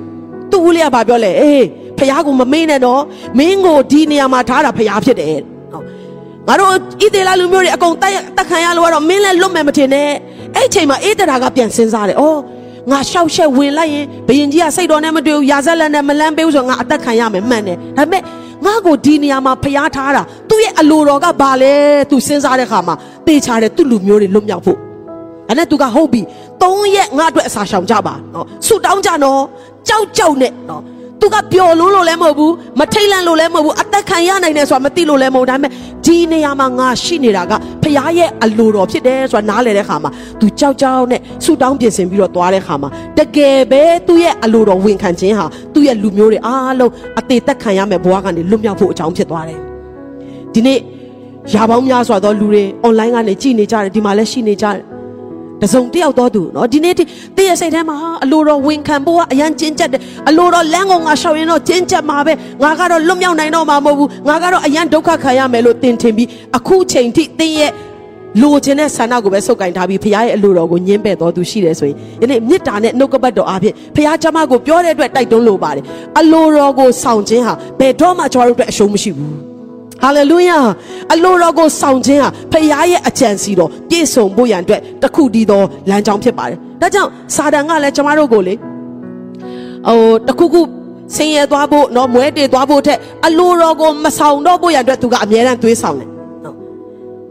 အေးအတီးကိုမစားနဲ့လို့ပြောတာတကယ်တော့မဟုတ်ဘူးနော်စားရင်မင်းတို့ဖះနဲ့တူမှာမို့လို့နော်တနည်းအားဖြင့်ဖះရဲ့အလိုတော်ကိုစန့်ကျင်ဖို့ရအတွက်ပဲတစ်ချိန်လုံးစာတန်ကကျမတို့ကိုသွေးဆောင်တယ် အကြောင်းကတော့အလိုတော်ကိုဆောင်တော်သူရဲ့အသက်တာမှာကြီးမားသောကောင်းကြီးရှိတယ်ဆိုတာတင်သိတာတဲ့စာတန်ကပိုသိလို့ဖြစ်တယ်နော်စာတန်ထက်တော့ပို့ပြီးတော့လဲကြရအောင်ဟာလေလုယာဟာလေလုယာစာတန်လောက်တော့မအားကြဆုံးနဲ့နော်စကားနားမထောင်နဲ့နားမထောင်နဲ့ပြောတဲ့ချိန်မှာမဟုတ်ဘူးငါကဖျားသားဖြစ်တယ်စကားနားထောင်နိုင်တော့ခရစ်တော်ရဲ့ဝိညာဉ်ကိုရတော်သူဖြစ်တယ် ဘုရားရဲ့အလိုတော်ဆိုတာငါအတွက်အကောင်းဆုံးဖြစ်တယ်။သူကငါအတွက်အကောင်းဆုံးကိုပဲကြံစီနေတော့ဘုရားဖြစ်တယ်။ဒါကြောင့်သူ့ရဲ့အလိုတော်ဟာငါရဲ့အလိုတော်နဲ့မကိုက်ညီခဲ့ဘူးဆိုရင်တော့မှငါရဲ့ဆန္ဒတွေအားလုံးကိုဖယ်ပြီးငါဟာဘုရားရဲ့အလိုကိုဖက်တွယ်မဲ့သူဖြစ်တယ်လို့နေ့တိုင်းဝန်ခံကြရအောင်။ဟာလေလုယာ။ဟာလေလုယာထိုကဲ့သို့သောသူအပြင်ဘုရားကမြန်မာပြည်ကိုတိဆောက်ခြင်းတယ်အသင်းတော်တွေကိုတိဆောက်ခြင်းတယ်မိသားစုတွေကိုတိဆောက်ခြင်းတယ်ဘုရားဖြစ်တယ်မောရှေသားအလိုတော်ကိုမဝင်ခံခဲ့ရင်နော်အေးတရာကသာအလိုတော်ကိုမဝင်ခံခဲ့ရင် ခုနပြောသလိုဆရာကြီးယူရတန်ကသာဟုတ်ကဲ့ပါကိုရောလို့မပြောခဲ့ဘူးဆိုရင်နောက်ဆက်တွဲကျမတို့ဆုံးရှုံးမဲ့အရာတွေကိုပြန်စဉ်းစားကြည့်ပါယနေ့ကျမတို့ကိုယ်တိုင်လဲဒီနေ့အလိုတော်ကိုမဝင်ခံနိုင်ခြင်းအဖြစ်ဖခင်ရဲ့စကားကိုနားမထောင်ခြင်းအဖြစ်ဆုံးရှုံးရမယ့်အရာတွေမြောက်များစွာရှိတယ်ဆိုတာကိုနားလည်တယ်ဆိုရင်အသက်တစ်ဖန်ကျမတို့ရဲ့အသက်တာကိုပြင်ဆင်ဖို့ရန်အတွက်အရင်ရေးကြည့်ပါတယ်။ဒါကြောင့်နောက်ဆုံးအနေနဲ့ကျွန်မပြောချင်တာကတော့ကိုယ့်ရဲ့အသက်တာတည်တည်မှာ တခါတလေကိုကိုကိုတတ်မှတ်တတ်တယ်အာငါကတော့အလိုတော်ဝင်မဝင်ခံနိုင်ဘူးငါကလူဆိုးဖြစ်တယ်ငါကလူမိုက်ဖြစ်ငါကအားနေသောသူဖြစ်တယ်ငါကအလိုတော်နဲ့အမြဲတမ်းပုံပုံကန်ညင်းဆန်သောသူဖြစ်တယ်လို့ကိုကိုကိုတတ်မှတ်ထားတယ်ဆိုရင်ယနေ့ကိုကိုကိုမြင်တဲ့အမြင်ပြောင်းလဲရအောင်ကျမသည်ဖျားစကားကိုယာနှုံးပြတရားမှတရားနားထောင်နိုင်သောခရစ်တော်ရဲ့ဝိညာဉ်ကိုရတော်သူဖြစ်တယ်ထိုဖျားကကျမအတွက်ကြံစည်တဲ့ຢာတွေအားလုံးကတခုမှအဆိုးမရှိဘူးကျမကောင်းဖို့နော်ကျမချမ်းမာဖို့ကျမလုံခြုံဖို့ ကျမဖခင်ရဲ့အလိုတော်ထဲမှာသွားခြင်းအပြင်ဖခင်ရဲ့ဘုန်းတော်ထင်ရှားဖို့ကဖခင်ရဲ့အကြံစီတော်ဖြစ်တယ်။ဒါကြောင့်စာတန်ငါ့ကိုမသွေးဆောင်နဲ့ငါဟာအလိုတော်ကိုဝန်ခံနိုင်တော်သူဖြစ်တယ်လို့ယနေ့အသက်တပံဆုံးဖြတ်စေခြင်းနဲ့တချို့သောသူတွေမှာလဲနော်ကိုယ့်ရဲ့ဘဝရဲ့ဖြတ်တန်းနေရတဲ့အခြေအနေကတူနဲ့အထုခံရတဲ့အချိန်ဖြစ်နိုင်တယ်မိတဲ့ကိုထဲတဲ့အချိန်ဖြစ်နိုင်တယ်ဒါမှမဟုတ်လို့ရှိရင်လည်းအင်မတန်ကြမ်းတဲ့ကြောက်ပေါ်မှာအသွေးခံရတဲ့အချိန်ဖြစ်နိုင်တယ်ပြဿနာမရှိဘူး တင်ရှာမတွေ့တဲ့အရာကဘုရားရဲ့အလိုတော်ကတင်အတွက်လှပစွာယနေ့စောင့်နေတာဖြစ်တယ်။အဆုံးကိုကျမတို့မသိသေးတဲ့အခါမှာနော်တစ်ချိန်မှာကျမတို့ဒီလူမြောက်များစွာအတွက်အတုံးတဲတဲ့ဓာကောင်းတက်လက်ဖြစ်မယ်ဆိုတာမသိတဲ့အတွက်ပူတဲ့အချိန်မှာတော့ဝမ်းနေကောင်းဝမ်းနေလိမ့်မယ်။ထုတဲ့အချိန်မှာတော့နာကောင်းနာလိမ့်မယ်။တချို့သောအရာတွေကိုနန်းတော်နဲ့တူတဲ့အရာတွေကိုဆွဲထုတ်လိုက်တဲ့အချိန်မှာတော့မောရှေကစိတ်ပြက်စွာထွက်ပြေးခဲ့ရပေမဲ့ကိုတော်ပေးခြင်းတဲ့နှလုံးသားကိုရလာတဲ့ချိန်မှာ ဟုတ်ကဲ့ပါကိုရောလို့ဝင်ခံနိုင်တဲ့အသက်တာဖြစ်လာတဲ့ချိန်မှာတော့ဘုရားခင်ရဲ့အကြံစီတော်ကြီးမားဆိုတော့သူ့ရဲ့အသက်တာမှာပြည့်စုံဖို့အကြောင်းဖြစ်လာတယ်။ကျွန်မနောက်ဆုံးကျမ်းစာလေးကိုဖတ်ပါမယ်။တုတ်တန်အခန်းကြီး1အခန်းငယ်33ငါစကားကိုနားထောင်တော်သူမူကားလုံခြုံစွာနေ၍ဘေးကိုမကြောက်ပဲငြိမ်ဝတ်လိမ့်မည်ဟာလေလုယာကိုရောစကားကိုနားထောင်တော်သူတိုင်းရဲ့အသက်တာဟာကြောက်စရာမရှိဘူးတဲ့နော်လုံခြုံစွာနေရမယ် ဘေးအန္တရာယ်ဘလောက်ပဲကြောက်ပါစေအဲ့ဒီအရာကဘလောက်ပဲရောက်လာပါစေထာဝရဘုရားရဲ့စကားကိုနားထောင်ပြီးအလိုတော်လမ်းမှာရှောက်သွားတော်သူအတွက်တော့ကြောက်စရာတခုမှမရှိဘူးဒါကြောင့်ယုံကြည်ပါဘုရားကတင့်အတွက်ဘယ်တော့မှအဆိုးကိုကြံစီတဲ့ဘုရားမဟုတ်ဘူး။တင်းကိုတူနဲ့ထုနေတဲ့ချိန်မှာသူကဒီတယောက်ကိုငါနှိပ်ဆက်လို့ရပြီ။ပြဿနာအထုပ်ကြီးကိုငါထမ်းခိုင်းလိုက်ပြီးတော့ပျော်လိုက်တာလို့ပြောတဲ့ဘုရားမဟုတ်ပဲနဲ့။တင်းကိုတာ၍ထိရောက်သောတက်တာ။တာ၍လှပသောတက်တာ။တာ၍အသုံးတဲ့သောတက်တာဖြစ်ဖို့ဘုရားကပြုစုနေတာဖြစ်တယ်။ ကျွန်တော်တို့ငယ်ငယ်တုန်းကကျွန်မသူငယ်တန်းလောက်မှာကလေးမျိုးကနေပြီးတော့ကျွန်တော်တို့ဒီအောက်ပိုင်းဘက်ကိုပြောင်းလာဖို့အတွက်ဖြစ်လာတဲ့ချိန်မှာနောက်ဆုံးကျွန်တော်တို့ကြားခဲ့ရတဲ့နှုတ်ကပတ်တော်ပြန်ပြီးတော့ဒီနေ့ထိတတိရတယ်။ကျွန်မအဖေကသူ့ရဲ့ပခုံးပေါ်မှာကျွန်မကိုတင်ပြီးတော့နော်လူအရန်များတဲ့အတွက်တရားဟောတဲ့ဆရာကိုကျွန်မမမြင်နိုင်တော့အဖေကပခုံးပေါ်မှာကျွန်မကိုတင်ပြီးကျွန်မတို့နားထောင်ခဲ့ရတဲ့နှုတ်ကပတ်တော်ကဘာလဲဆိုတော့ဖျားသခင်ကတဲ့တင့်ကိုပြုစုတဲ့အခါမှာဖျားခင်တင့်ကိုပုံသွင်းတဲ့အခါမှာဓာကောင်းတလက်ထွက်ဖို့ရန်အတွက် မိထဲမှာထဲတဲ့ချိန်ရှိတယ်တဲ့နော်အရန်ပူနေတယ်ဆိုတဲ့ချိန်မှာတခါတည်းရေအေးတဲ့ကိုထဲလိုက်တဲ့ချိန်ရှိတယ်ထူးတဲ့ချိန်ရှိတယ်သွေးတဲ့ချိန်ရှိတယ်ဒါပေမဲ့အဲ့ဒါကတင်ပိုထက်မြက်ပြီးတော့အသုံးတဲတဲ့လူဖြစ်ဖို့ဘုရားရဲ့အကြံစီတော်ဖြစ်တယ်ဆိုတဲ့နှုတ်ကပတ်တော်အဲ့နေညမှာကျွန်တော်တို့နားထောင်တယ်ဟာအရန်ခွန်အားရတယ်မမေ့နိုင်ဘူး ဒါနဲ့ပြောင်းသွားတယ်အဲ့ဒီခရီးစဉ်ကနေစားလိုက်တာနဲ့ကျမတို့ဟာတကယ်ပဲအသွေးခံရတယ်တကယ်ပဲအထုထောင်းခံရတယ်တကယ်ပဲပုံသွင်းခံရတယ်အင်မတန်မှကြမ်းတမ်းတဲ့အရာတွေအင်မတန်မှဟိုနာလိုက်တာနာလိုက်တာလို့ပြောရမယ်ထုချင်းတွေထောင်းချင်းတွေခံရတယ်ဒါပေမဲ့အဲ့ဒီနှုတ်ကပတ်တော်ကကျမတို့ကိုပြန်ပြန်ပြီးခွန်အားပေးတယ် ကျွန်တော်တို့ပဲခူးမြို့မှာနော်လေးနှစ်ကြာအဲ့တုန်းကပဲခူးနားကဖျားလေးနော်ဖျားကြီးဖျားလေးမှာယုံကြည်သူမရှိတဲ့နေရာမှာခွန်အားယူစရာဘာမှမရှိတဲ့နေရာမှာအဲ့ဒီမထွက်လာခင်မှာဖျားပြောတဲ့နှုတ်ကပတ်တော်ကကျွန်တော်တို့ကိုအများကြီးစကားပြောတယ်။အော်ကိုတော်ငါတို့ကိုပုံသွင်းနေတယ်။ဘာအတွက်ဆိုတော့ကျွန်တော်တို့မသိဘူး။အဲ့တုန်းကအသင်းတော်ထောင်ဖို့ဆိုတာလဲကျွန်တော်တို့ရဲ့အတွေးထဲမှာလုံးဝမရှိဘူး။ယုံကြည်သူတွေလူတွေကိုလိုက်လံဝင်ငှတယ်။ကျွန်မအမေကအိမ်မှာဟို ငပိရေချိုလာလာရောင်းတဲ့အဖွားကြီးတယောက်ကိုအင်္ဂလိပ်ဝင်ငါရင်းနဲ့ပြောင်းလဲသွားတယ်နော်အဲ့တော့ပကိုးရိုးမတောင်ချေမှာနေတော့ကျွန်တော်တို့အဲ့ဒီလိုက်သွားပြီးတော့သူတို့ကိုဖျားရှိခိုးပေးတယ်နော်ဘာမှဆွေမျိုးသားချင်းမရှိတဲ့သားသမီးမရှိတော့တဲ့အဖိုးကြီးဖွားကြီးနှစ်ယောက်ကိုအင်္ဂလိပ်တွေလှုပ်တယ်ကျွန်တော်တို့လှုပ်တတ်တာအဲ့လောက်ပဲအဲ့မဲ့ဖခင်ရဲ့ကြီးမားတဲ့အချမ်းစီဟာလွန်ခဲ့တဲ့နှစ်40နှစ်30မှာကျွန်တော်တို့မမြင်နိုင်ခဲ့ဘူးအဲ့မဲ့ဖခင်ကကျွန်တော်တို့ကိုပုံသွင်းတယ်နာလိုက်တာနော်တခါတလေချက်တဲလိုက်တာဒါမျိုးတွေဘာလို့သမီးတို့မိသားစုကြမှာကြုံရတာလဲကိုတော့ ဒီလောက်ဆိုတော်ပြီလေလို့ကျမတို့ပြောခဲ့တဲ့အချိန်တွေအများကြီးရှိတယ်ဒါပေမဲ့ကိုတော်ကဘယ်တော့မှကျမတို့ကိုပုံသွင်းတာမမာတော့ဖရားဖြစ်တယ်ဟာလေလုယာဟာလေလုယာမုံရွာအသင်းတော်ဖြစ်လာတယ်စင်ကာပူအသင်းတော်ဖြစ်လာတယ်ယခုရန်ကုန်အသင်းတော်ဖြစ်လာတယ်အဲ့ချိန်တော့ကျမတို့အိမ်မက်တောင်မမက်ခဲ့ပေမဲ့ကြိုတိတော်မူသောဖရားကကျမတို့မိသားစုကိုကောင်းကောင်းလေးပြုစုခဲ့တယ်ကောင်းကောင်းလေးပုံသွင်းခဲ့တယ် ဖခင်ရဲ့ပုံသွင်းခြင်းပြုပြင်ခြင်းတိုင်းဟာတခါတလေမှာကျွန်တော်တို့စန္ဒနဲ့ကိုက်ညီခြင်းမှာကိုက်ညီမှာပါဒါပေမဲ့ကျမတို့ကအိုးမြေဖြစ်တယ်ကိုတော်ကအိုးထိန်ဖြစ်တယ်ဟုတ်ကဲ့ကိုတော်လို့ကျမတို့တဆင်းပြီးတဆင်းပြောခဲ့ရတယ်ကိုတော်ဒီလောက်ဆိုတော်ပြီမဟုတ်ဘူးလားကိုတော်သမီးတို့ရဲ့ခန္ဓာရည်ကဒီလောက်ပဲထင်တယ်တော့ဖခင်ကမဟုတ်ဘူးထပ်ပြီးတော့ဆွဲခေါ်သွားတယ်ထပ်ပြီးတော့ဆွဲခေါ်သွားတယ်အဆုံးမှာဝိညာဉ်ပေါင်းမြောက်များစွာကဘာမှမဟုတ်တဲ့ကျမတို့ရဲ့တာသနာကျမတို့ရဲ့အသင်းတော်လေးအားဖြင့်ဖခင်ကိုတီးဖို့အကြောင်းဖြစ်လာခဲ့တယ်